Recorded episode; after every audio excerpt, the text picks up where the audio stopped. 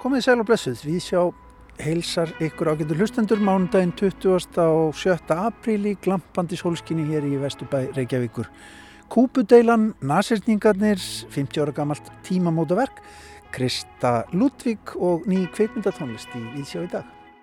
Já, í Víðsjá í dag þá ætlum við meðal annars að ræða við Barða Jóhansson, tónlistarmann, en eh, í síðustu viku þá kom út plata sem hefur að geima tónlist sem Barði samti við kveikmyndina Agoni eftir ítalska kveikmyndalegstjóran Michele Civetta.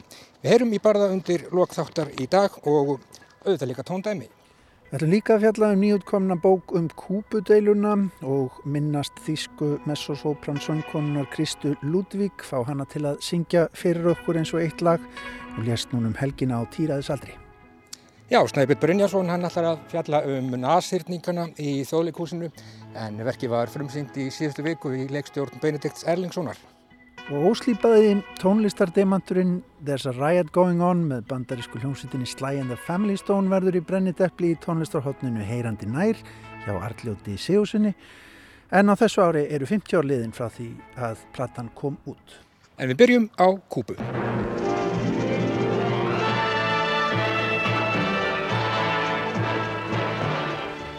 This is the San Cristobal area of Cuba as it is looked from time immemorial.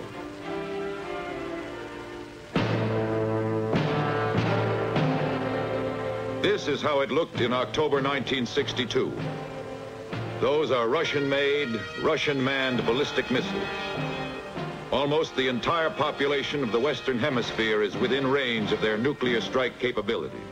Á næsta ári, altså þar næsta haust, verða 60 ár liðin síðan mannkynnið fór fram á brúnina. Steg framar fram á brúnina en það hefur staðið fyrr og síðar.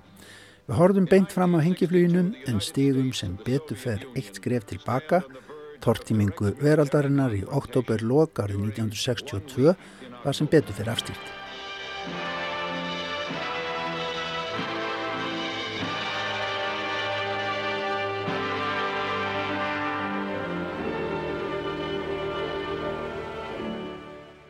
Já, ég er að tala um kúpudeiluna svo kulluðum vöðva niklinga samkeppni stórveldana tveggja sem þá voru, Bandaríkjana og Sovjetríkjana, deilu sem að framfór á síðustu dögum oktobermánaða 1962. Þá hafði Kennedy Bandaríkjafósiti sett happan á kúpu og í rauninni einangrað eigina frá umheiminum til að þrýsta á um að sovjetmenn undir stjórn Nikita Khrushchev fjarlæðu eldflugar sem þeir hafðu sendt til kúpu þá um sumarið og voru byrjaðir að setja upp. Herskip bandarækjamanna rauðu sér upp undan ströndum kúpu og skipalest sovjetmanna var á leiðinni yfir hafið með meiri búnað og sérfræðinga. Kavbátarstórþjóðana, sumir vopnaðir kjarnavopnum, voru líka komnir á stað undir yfirborðinu. Allt var á söðu punkti eins og frækt er, um þetta hafa verið skrifaðar bækur og leiknar bíómyndir, skiljanlega. Morning, gentlemen. Morning, What is it? On Sunday morning, one of our U-2s took these pictures. The Soviets are putting medium-range ballistic missiles into Cuba. Oh my God. Og í rannsóknum á þessum atbyrðum á síðustu árum, þegar skjálasöfnum atbyrðina hafa verið að opnast, hafa komið fram nýjar og nýjar hliðar á því hver alvarlega sló í brínu millir stórþjóðana. Til að mynda gáttu kavbátar þessa tíma ekki verið eins lengi í undurdjúbunum og þeir geta í dag. Því hefur komið í ljós að bandarískar flugvilar skutu á eitt slíkan soviskan kábát þegar hann kom upp á yfirborðið einfallega til að endur nýja súrefnisbyrðar sínar. Mennirnir um borð hefði ekki lifað af mikið lengur. Þegar skipherjan soviski skipaði mönnum sínum síðan að kafa á ný var hann víst alveg við að ráðast á nærlíkjandi bandaríst herskip en þá hafði sem betur fer skipherra á einum bandarísku tundurspillana vita á að senda kapátnum ljóskilabúð þar sem beðist var afsökunar á ógnandi tilburðum flugilana. Skipherran í kapátnum tók afsökunina gilda sem betur fer. Fleira varum slíka viðburði á þessum dögum, litlar skærur sem að vel hefði geta kveikt í alvöru púðutun. Historically, Cuba and the United States had been friends. The monument to the battleship Maine in Havana had stood as a reminder of United States help in winning Cuba's freedom in the Spanish-American War. But by October 62, that friendship is gone and the monument has been desecrated.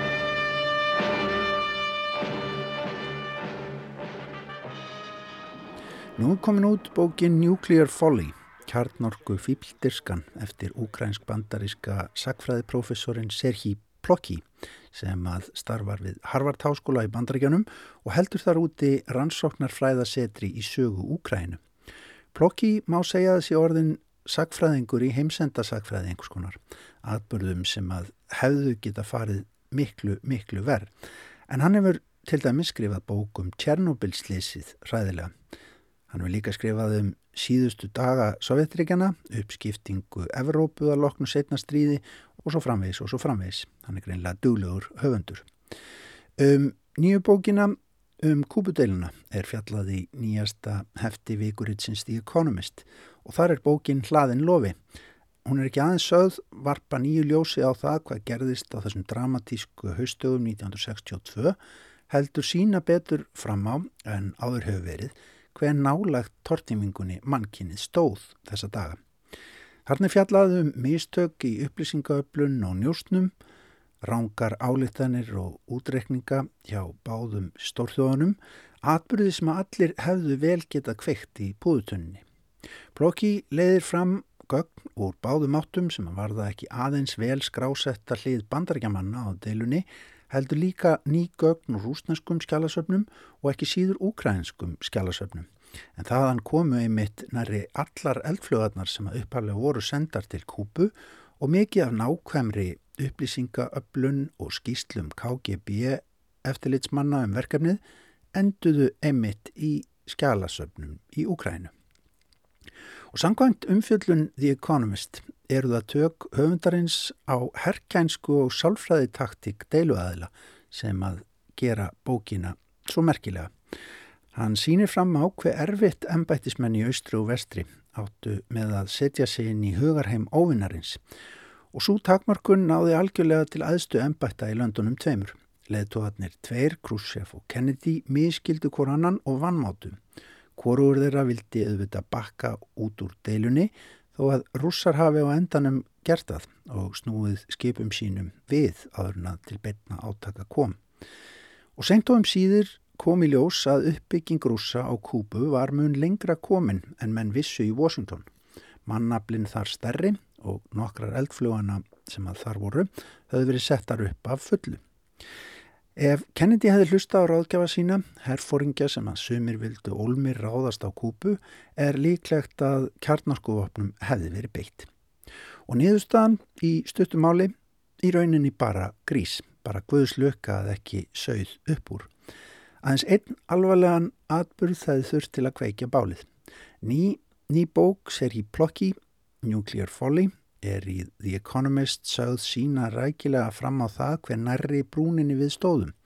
Hún sé mikilvæg viðvöruna bjalla í heimið þar sem að kjarnavopnin hafa jú ekki farið neitt, heldur hefur þeim bara fjölkað og þau komist í hendur fleiri ríkja en var þarna fyrir bráðum 60 árum síðan.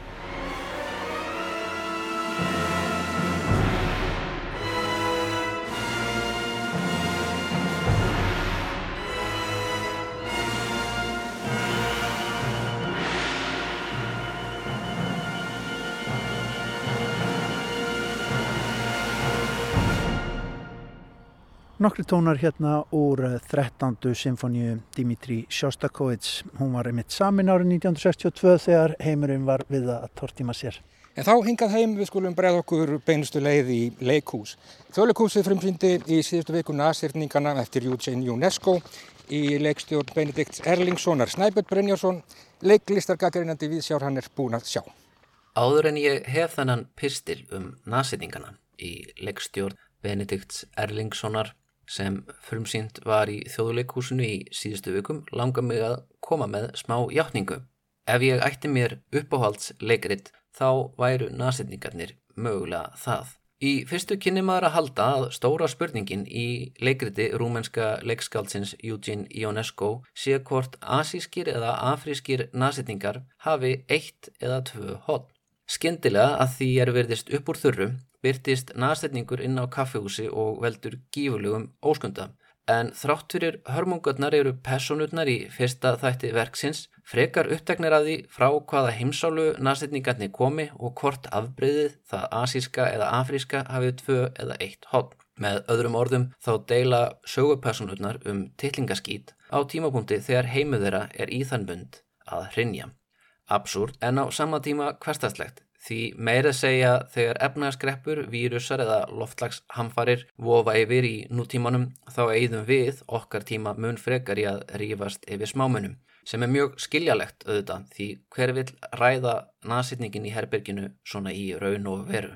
Það sem leikritið spyr okkur að er hvað við myndum gera ef nasýtningar hæfu skindilega innrás og ekki bara innrás heldur væri fólk sjálfviljútt að gerast nasetningar, finna meiri tilgang og merkingu í því að vera nasetningur heldur en maður. Einn vinsalasta leiðin til að skilja söguþráðun í verkinu ef það er æskilegt í raun að skilja absúrt verk er að tólka hann sem líkingu um uppgang fasismans, nokkuð sem UNESCO sjálfur uppliði. Hann talaði um hann hefði séð nemyndur og prófessora sem hann leitt mjög upp til í háskólanámi um breytast í fasista þegar þeir gengu í rúmenska járnvörðin svo kallaða og vissulega sjáum við í leikritinum þengjandi fólk, hróka fulla en þó hugsandi einstaklinga sem koll af kolli ganga nasirningunum á hönd verða ómannlegir. Höfðpersona verksins heitir Lárus Það er þó ekki nafnið í upprannlegu frönsku útgáfu leikverksins heldur nýtt Íslands nafn. Eins og leiksturinn orðaða í leikskrá þá fannst leikopnum æbandi skrítið í samingin að nota framhandleg frönsk nöfn eins og Berenger, Dudar eða Daisy og á endanum var ákveðið að nota nöfn leikara úr uppfæslinu 1961 og þar með er sögupersonan Berenger nú Lárus nefndur í höfuðið á Lárusi Pálssoni sem fór með hlutverkið þá.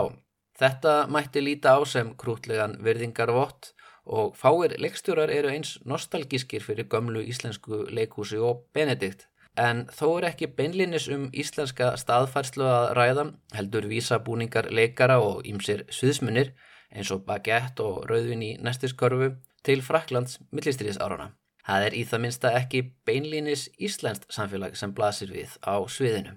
Lárus er leikin af Guðjóni Davíð Karls sinni sem ég finnst að hafa farið vaksandi sem leikari síðustu ár. Hann allavega nýtur sín vel í þessu hlutverki og það væri gaman að sjá hann tækla stærri dramatísk hlutverk á næstu árum.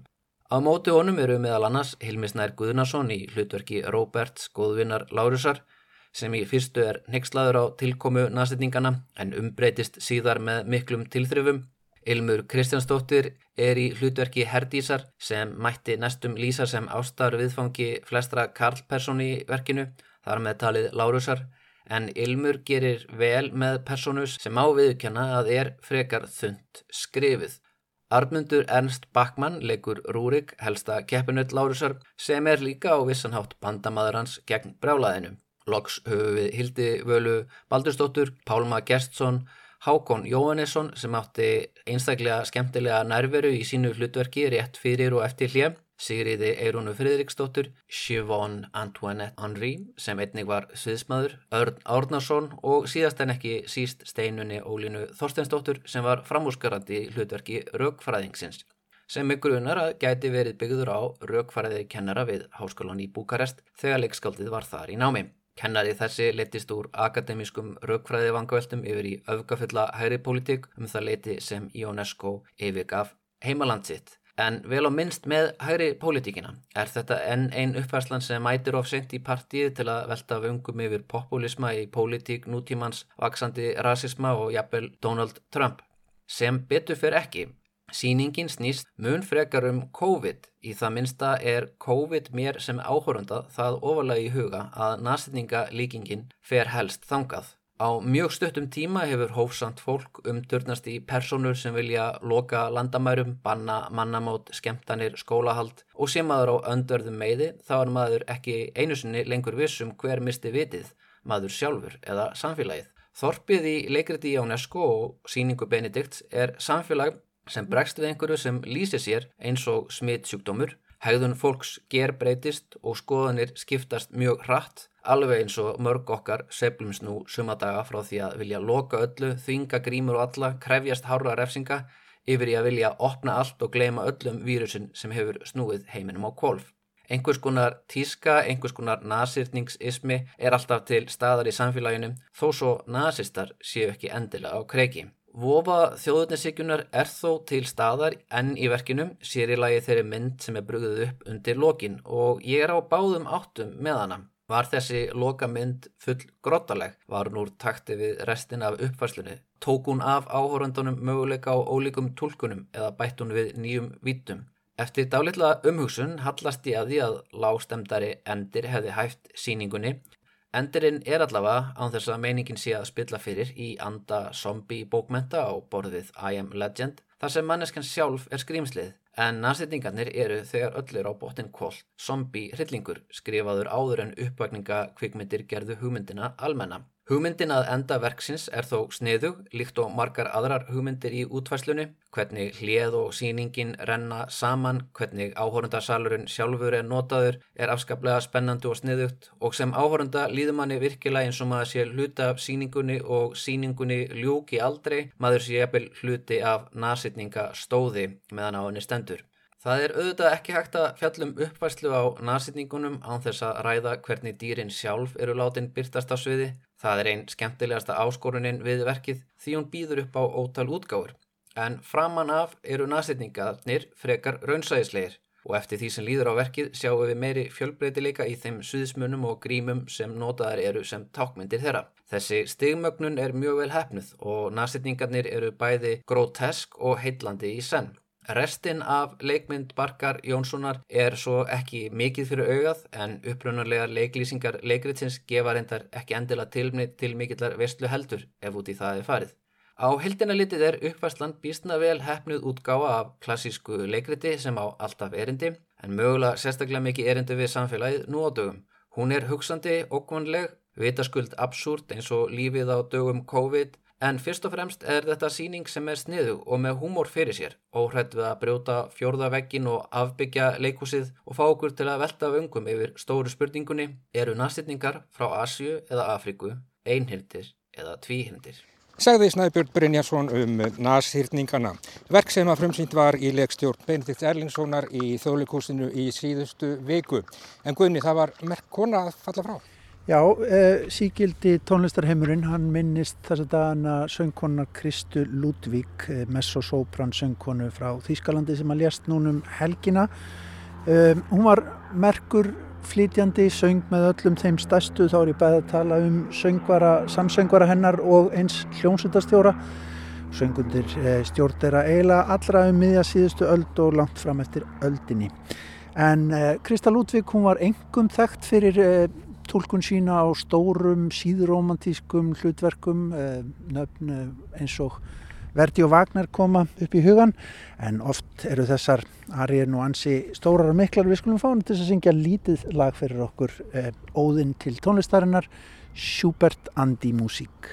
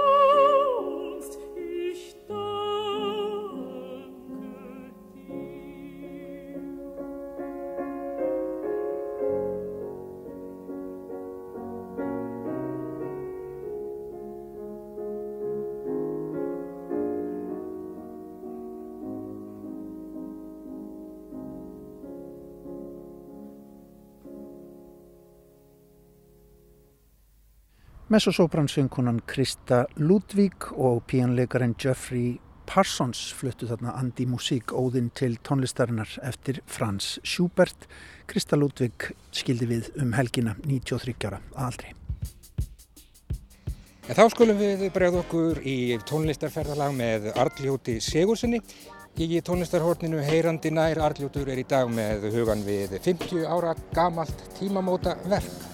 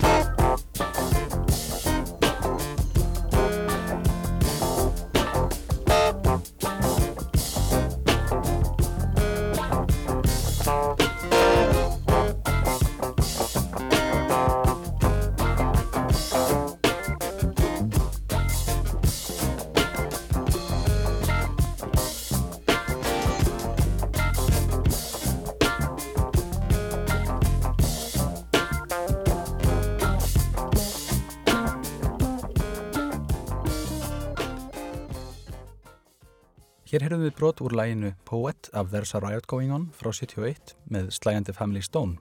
Föngsvitinni frá Frisco Bay sem breytti út ástarerendið og jöfnuð mannkins í hippablómanum á austurströnd bandaríkjana.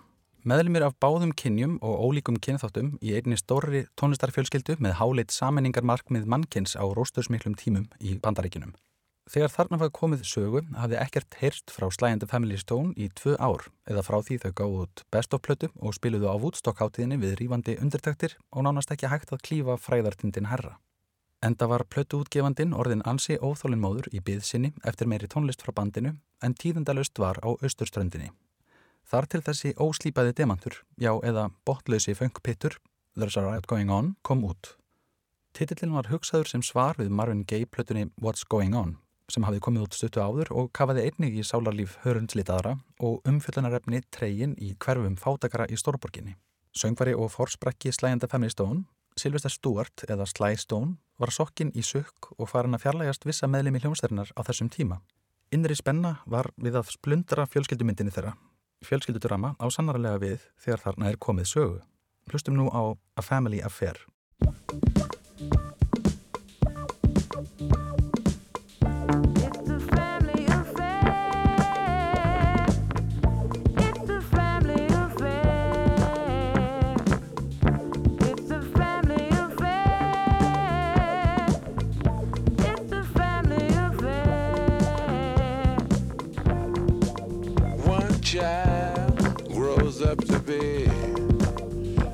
Somebody that just loves to learn. And uh, another child grows up to be somebody you just love to burn. Mom loves the both of them. You see, it's in the blood. Both kids are good and mom. Thicker than the mud. It's a family affair. It's a family affair. It's a family affair.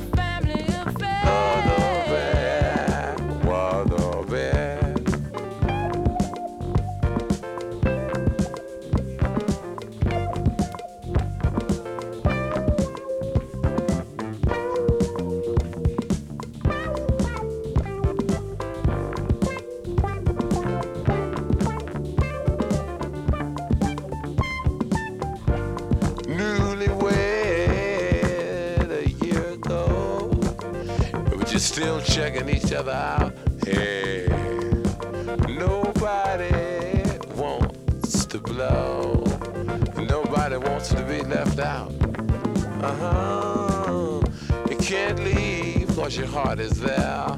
But you, you can't stay cause you've been somewhere else. You can't cry cause you look broke down. But you're crying anyway cause you're all broke down. It's a family affair. It's a family affair. It's a family affair.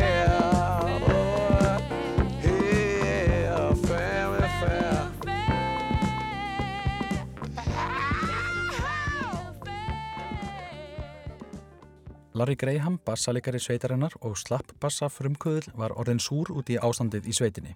Slæði sjálfur var fara að bóka utan að komandi sessjónspilara og spilaði hreinlega sjálfur það sem á hann síndist. Til að mynda spiluðu Billy Preston og Bobby Womack inn á Family Affair. Slæði var búin að mynda einhver tengsl við meðlimi Black Panther á þessum tíma og komin með mafjósa sem lífverði sem jáfnvel fengu það hlutverk að halda vissum hljómsveitar meðlimum fjarrri. Á meðan dundaði Silvester sér eins og kanslari í stúdíóríki sínu Þá oft á tíðum heima hjá sér í villu sinni í Bel Air í Kaliforníu sem innréttuð var með stúdiói og upptökubúnað innfeldum í veggina. Það var mikrofón við rúmstokkin þar sem hann gætt sungið inn á band yfir nýjustu demo sveitarinnar.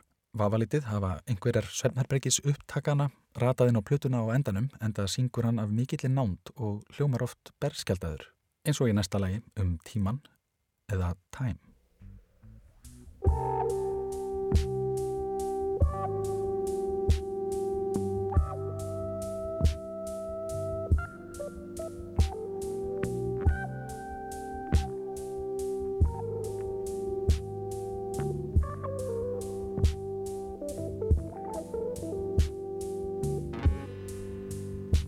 Time needs another minute at least. Take your time, but you gotta let me. Yeah. That girl looks forward to another beating. Just like everyday people I know looks forward to another simple greeting. There, a band of woods looks forward to have a meeting. Just any old player you know, all he needs is rating.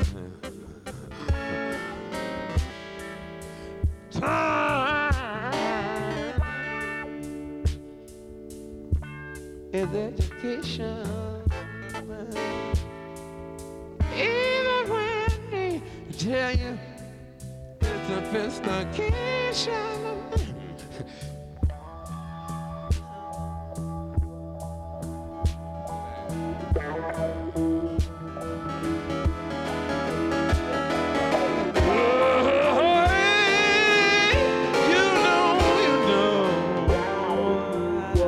investigation.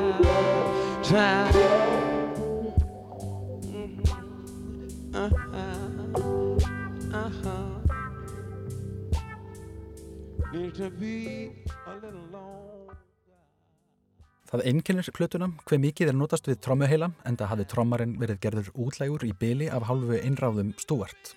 Hljómur plötunar er rár og dýnamískur, svo litið geggjaður og djarfur, jável fíbldjarfur. Hraustlega greipið í rásinnar í mixernum og hækkað og lækkað í þjættu mixi, óræðum frumskók, glamurs og svo útsettra hugmynda. Beinskitt en bjöguð í senn, stuttmilli snildar og geðviki, skýrleika og ofsjóna. Öll er hún þó á valdi stóru tilfinningana og blóðugt hjartað lagt á borðið. Í forgrunni er svo rödd Sly Stone, blægbriða ríkari en nokkur sinni fyrir og með gríðar mikið valda á litlum smáatriðum í rattbeitingunni. Stundum gæti hann svo allt eins verið að grínast og fýblast, en þó alltaf með tókraft og spennandi. Eins og hér í læginu Spaced Cowboy, þar sem Sly tekur sér til með kúrekahatt á höfði, blæs í munhörpuna og jóðlar fyrir okkur svona fallega.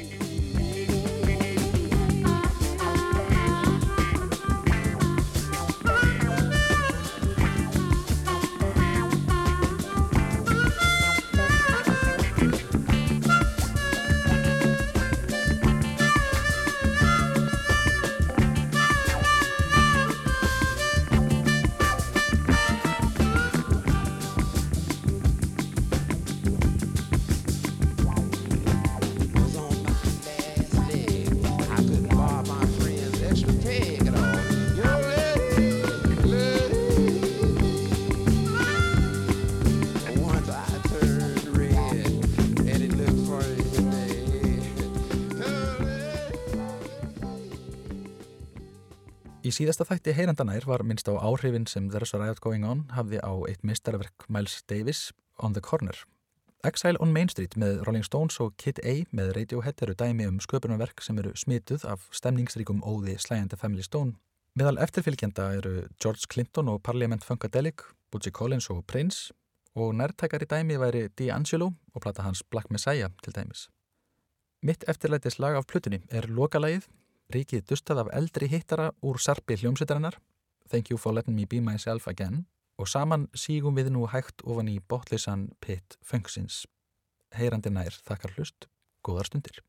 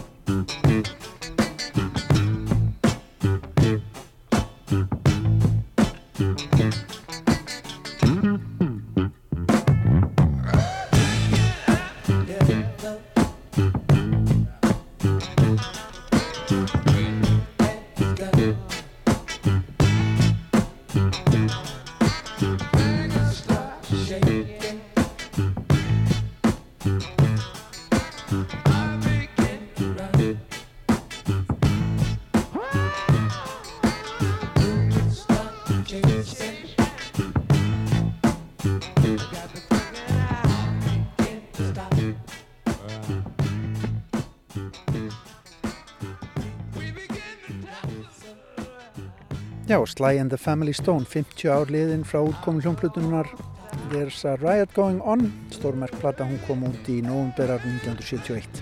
Arljótu Sigursson og tónlistrahornið Heyrandi nær, við heyrum aftur í Arljóti hér í Vísjá að viku liðinni. Og meira af tónlist, allt annars konar tónlist.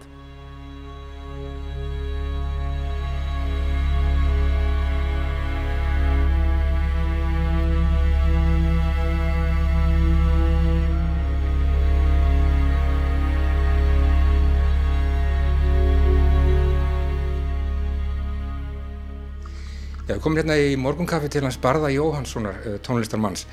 Hann uh, var að gefa út uh, kvikmyndatónlist, mynd sem heitir, heitir Agoni, segðu frá. Já, þetta er hérna mynd sem að, sem að gerð af leikstjóri sem heitir Mikael, Mikael Civetti og er svona hálfgerður nortnamynd og hérna, kom út átt að vera í bíó í fyrra í bandaríkin en nokkur svona art bíó en út af þessum blessaða COVID sjúkdómi þá hérna, fór hún beint í, á streymisveitur. Já, nákvæmlega. Þannig að hérna, já og uh, síðan langaði mig sagt, uh, músíkin var einhvern veginn þannig að, að mér fannst hún alveg eiga heima uh, útgefin um, og geta hérna, staðið sér alveg. já, geta staðið sér mm. þannig að ég hérna, þannig ákvaði að vinna hana áfram og hérna, eina tók myndina sem tók hana af myndinni og vann aðeins stundum lagaði þú veist stitti eða, eða hérna, og lagaði líka mixið á henni. Og svo kom hann út síðustu viku. Já, nákvæmlega, til hafum ekki með það. Takk fyrir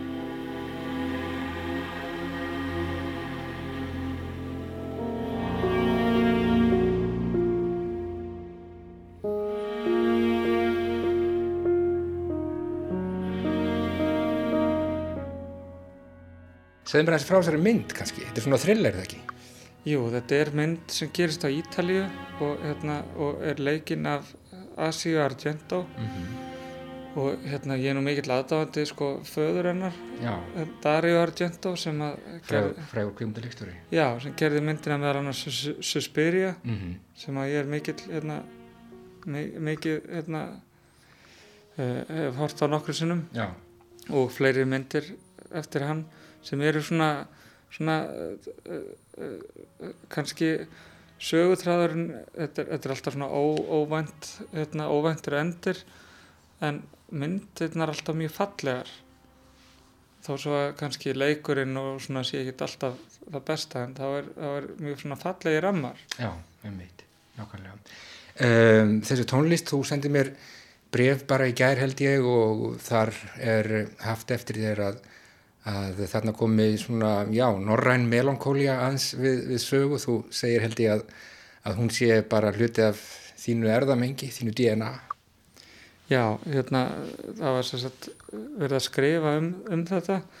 Ég var spurður um komment og hérna og þá einmitt hérna uh, þá, þá var ég beðin að lýsa þessu lýsa tónlistinu og það sem leiksturinn vildi var einmitt, vildi, hann vildi fá svona, svona nútímalegt hérna, skor. Eða tónlist í bíómynd sem að hérna, en samt með svona einhverjum svona element svona elementum úr 80 hérna Já, 80's einmitt. stemningu. Og, og maður sér það einmitt myndin sjálf er ef, ef að hérna hún, hún er svona myndatakan er svolítið svona 70's, 80's oft á köplum Já. svona close-up allt í hennu af einhverju og hérna þú sér þetta, þetta er svona, þetta er svona enginni sem voru á vissum, vissum tíma í einmitt svona, svona thriller horror myndum. En hérna ég hef verið að gera hvað mikið myndir, þú veist, ég, ég gerði músik í myndir sem er einmitt mjög mikið svona melankóli og kannski og ekkert ekkert hérna, svo, svo, svo þungar endilega svona Mhm. myndlega séð Mhm. kannski meira svona þungar hérna, fyrir manneskjur eða þú veist, eða ég bara spennumyndir en mér finnst svo gaman að gera svona hérna, mér finnst þetta skemmtilegt að því að mín kannski svona tónlist sem, sem ég verið að gera með Bangang og Lady and Bird og Karen Ann Mhm. eh, er melankólísk þannig að það er gaman að geta líka farið í aðrar áttir Mhm. og í þessari tónlist þá er ég bæði í svona, svona minimalísku klassísku uh, með svona skrýtnum undirtón Mhm. og alveg yfir í svona, svona eitthvað, eitthvað þú finnur alveg að það er eitthvað hræðilegt að gerast í myndinni. Já,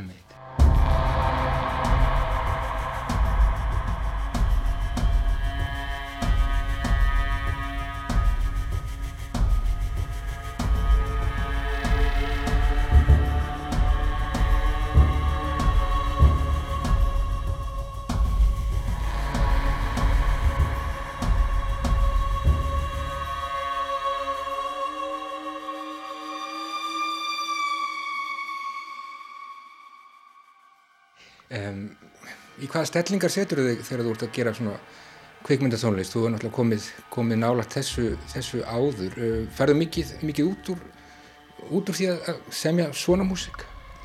Já, málið er þegar ég sem mína eigin popmusik uh, þá, þá sé ég oft fyrir mér sögur og hérna og, og þegar maður er að gera texta eða, eða lægið þá, þá einhvern veginn sé ég oft fyrir mér bæði sögu og, mm -hmm. og sé, sé það einhvern veginn fyrir mér stemninguna Já.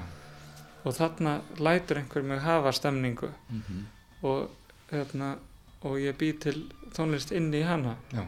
mér finnst það mjög skemmtilegt mm -hmm.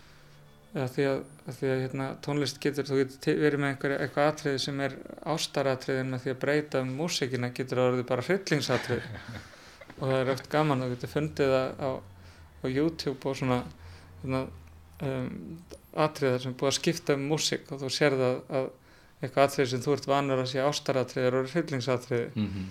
bara, það er nákvæmlega sama sem gerist samt. það Já. er bara búið að skipta músikin út og setja einhverja hræðilega músik undir Já. En hérna, eða kannski fallega en, en, hérna, en svona sem vekur óþægindi Já.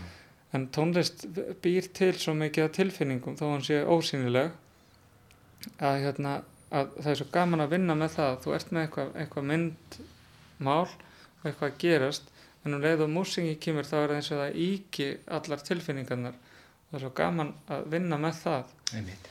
og síðan stundum ertu beðinum að þarf að gera músik sem að þarna, á, þú ætti að finna en átti ekki að heyra gefur bara svona, þú veist, keirir áfram myndina það er svo kallar non-music sem er Mhm. líka áhugavert Já.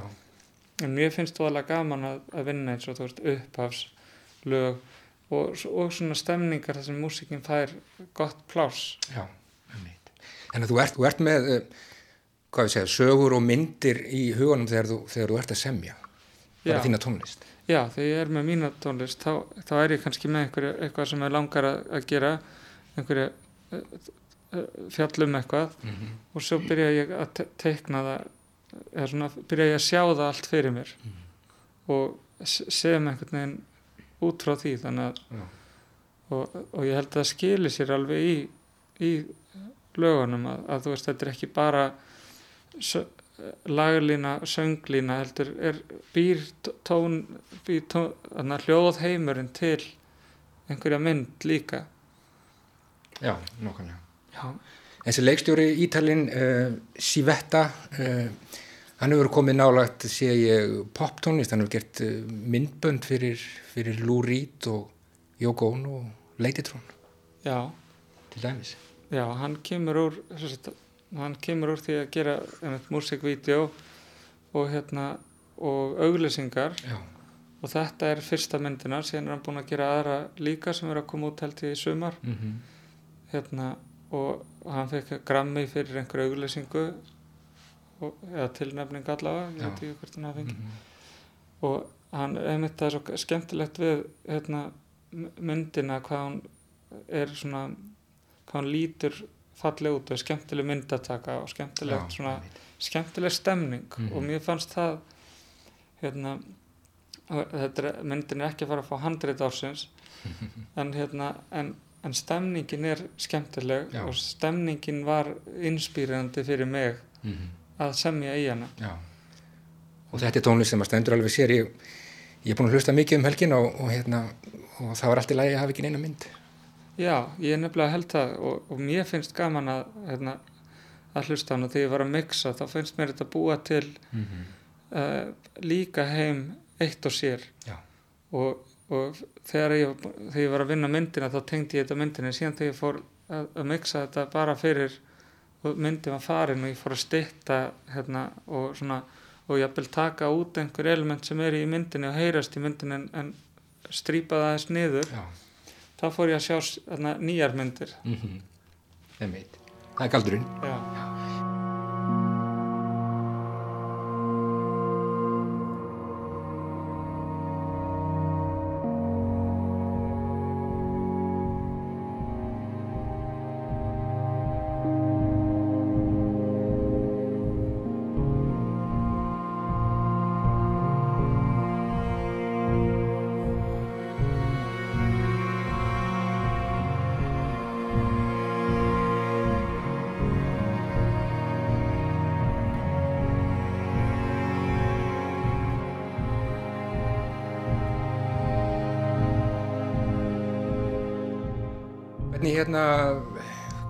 hefur þessi tími farið með þig, bara þessi, þessi COVID-tími, hefur náða sinna þínu?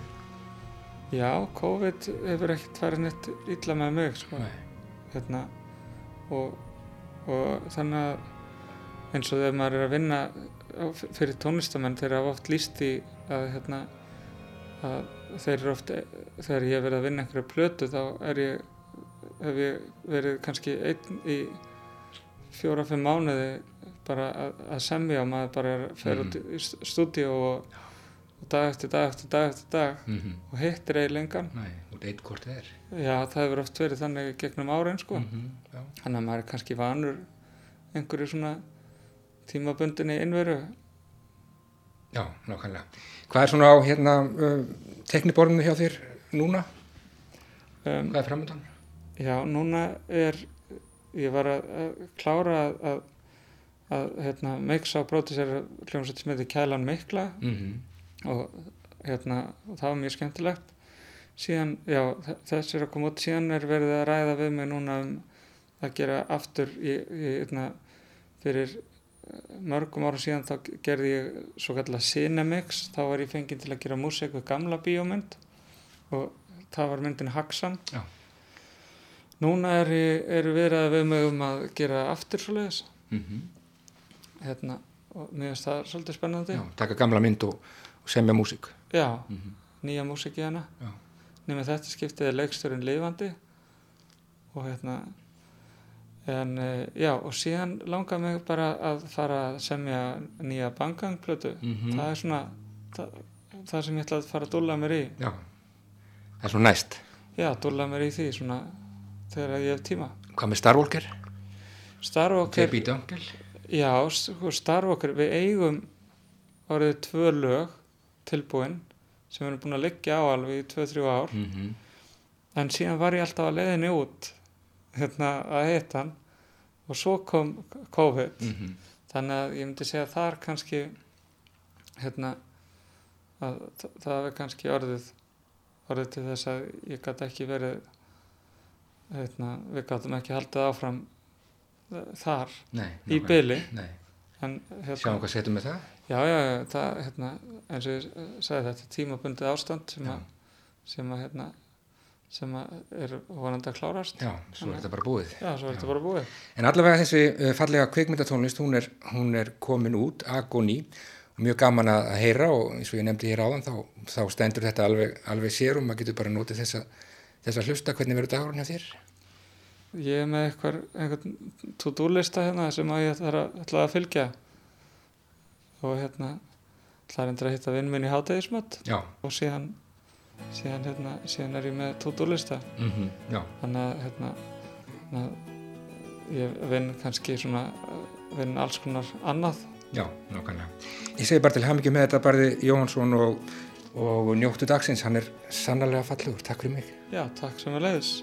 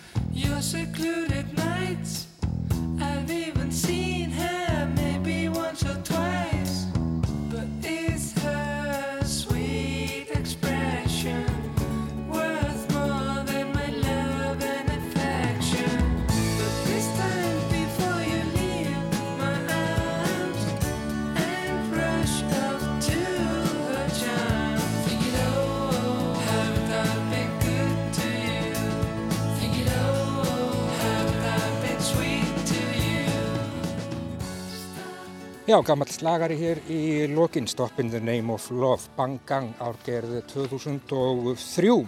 Barði Jóhansson, hann er með mörg járn í eldinum, ný kveikmyndatónlist komin út og já, framöndan líklega að plata með Bang Gang og jafnvel heil ópera. Heyrum kannski meira af því síðar. Svona ætlum við að ljúka við sjá í dag ágættur hlustendur í goða verinu hér í Vesturbænum, mánudaginn 27. apríl. Verðum hér aftur á morgun á sama stað á sama tíma á ráseitt löst eftir klukkan fjögur. Takk fyrir samfélgina í dag. Verðið sæl.